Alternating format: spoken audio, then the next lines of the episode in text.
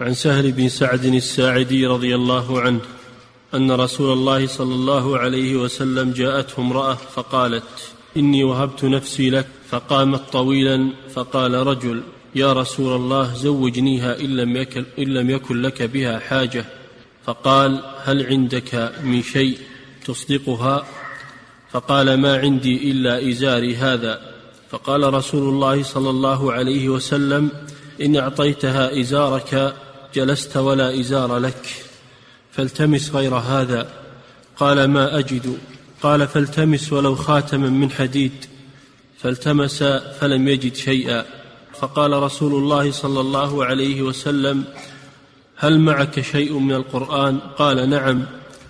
فقال رسول الله صلى الله عليه وسلم زوجتكها بما معك من القرآن. نعم. في هذا الحديث أن امرأة وهبت نفسها للنبي صلى الله عليه وسلم يعني عرضت نفسها للنبي ليتزوجها لتكون من أمهات المؤمنين لأجل أن تنال هذا الشرف العظيم. فهذا فيه دليل على أنه يجوز للمرأة أن تعرض نفسها على تزوج الرجل ويجوز لوليها أن يخطب لها الكفء الصالح لها. ما هو بلازم إنه يجيك أحد يخطب ولا تقول ما جانا أحد. بل إنك أنت تلتمس لها تلتمس لموليتك من يصلح لها وتقول أزوجك فلانة. تعرض عليه هذا أو هي تعرض نفسها على من ترغب فيه أن يتزوجها وليس في هذا بأس. وهبت نفسها للنبي.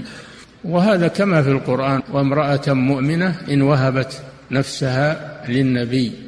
إن أراد النبي أن يستنكحها خالصة لك من دون المؤمنين. فالنبي صلى الله عليه وسلم يتزوج من دون ولي لأنه ولي المؤمنين لأنه ولي المؤمنين عليه الصلاة والسلام. هذا من خصائصه صلى الله عليه وسلم. أما غير النبي صلى الله عليه وسلم فلا بد من الولي لا بد من الولي. فإذا رغب فيها فإن وليه يحضر ويعقد لها.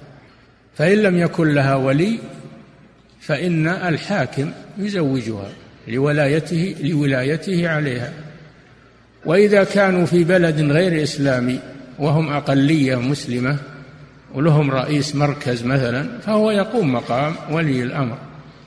يزوج من لا ولي له لأنه يقوم مقام ولي الأمر فيزوج المسلمات اللاتي ليس لهن أولياء. أو أسلمن وأولياؤهن كفار فإن رئيس المركز المسلم يزوج يزوج النساء لأنه يقوم مقام ولي أمر المسلمين.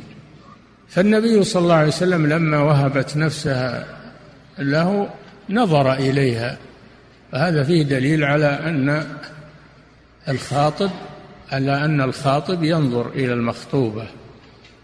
فإن رغب فيها تزوجها وإن لم يرى فيها تركها. ولذلك أباح النبي صلى الله عليه وسلم النظر أو رخص النظر إلى المخطوبة أن ينظر منها ما يدعوه إلى الرغبة فيها من وجهها وكفيها ورأسها شعر رأسها. فإذا رغب فيها مضى وتزوجها وإن لم يرغب فيها تركها. بدون أنه يقول ما تصلح أو فيها كذا أو فيها لأن هذا ما يجوز. يتركها ويسكت. النبي صلى الله عليه وسلم ما قال ما لي فيك رغبة لأن هذا يجرح نفسها ويكدر عليها. لا سيما وهذا من الرسول يقول ليس لي رغبة فيك. هذا يكون له أثر سيء على المرأة. النبي سكت عليه الصلاة والسلام. سكت ولم يبدي شيئا. وهذا فيه دليل على أن الخاطب إذا نظر إلى المرأة ولم تصلح له فإنه يسكت ولا يقول شيء. ولا يحدث الناس يقول والله شفته ولا تصلح أبد وفيها كذا وفيها هذا لا يجوز. هذا لا يجوز. بل يكتم ويسكت. ربما أنها لا تصلح لك لكن تصلح لغيرك. فعليك بالستر والصمت. فقام رجل من الحاضرين. فقال يا رسول الله زوجنيها. إن لم يكن في لك فيها رغبة. هذا كما ذكرنا أن الرسول له صلاحية عليه الصلاة والسلام أنه يزوج المسلمات يزوج المسلمات زوجنيها إن لم تكن يكن لك فيها رغبة. فالنبي صلى الله عليه وسلم طلب منه الصداق. دل هذا هذا الشاهد من الحديث أن الزواج لا بد فيه من صداق. طلب منه الصداق. وكان رجلا فقيرا. ما عنده شيء. قال ليس معي إلا إزاري. حتى الردى ما معه من فقره. ما عليه إلا إزار. فقال ما تفعل بإزار؟ إن أعطيتها إياه بقيت بدون بدون إزار. فهذا فيه دليل على أن الإنسان يبدأ بحاجة نفسه يبدأ بحاجة نفسه.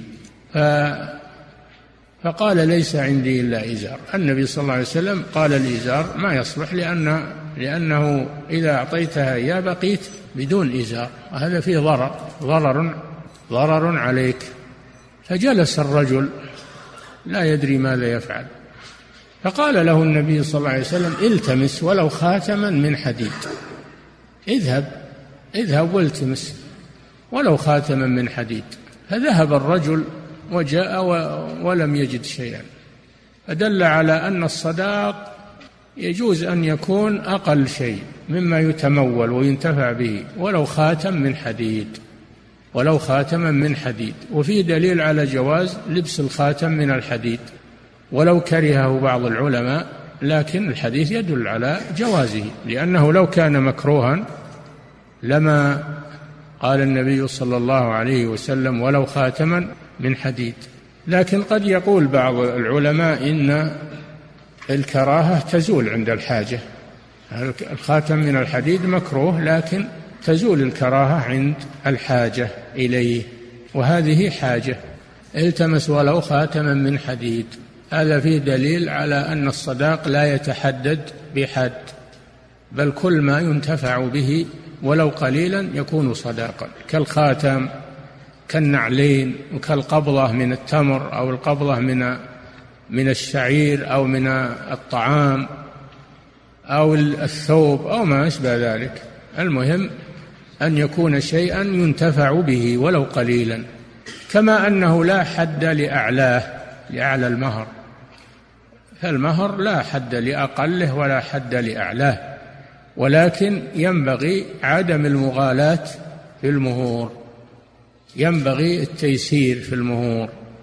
قوله صلى الله عليه وسلم أعظم النساء بركة أيسرهن مؤونة. فينبغي التيسير في المهور. ولأن النبي صلى الله عليه وسلم استنكر على الذي تزوج بخمس أواق من الذهب. قال كأنما تنحتون الذهب من هذا الجبل. استنكر عليه. فدل على أن أنه ينبغي تيسير المهور.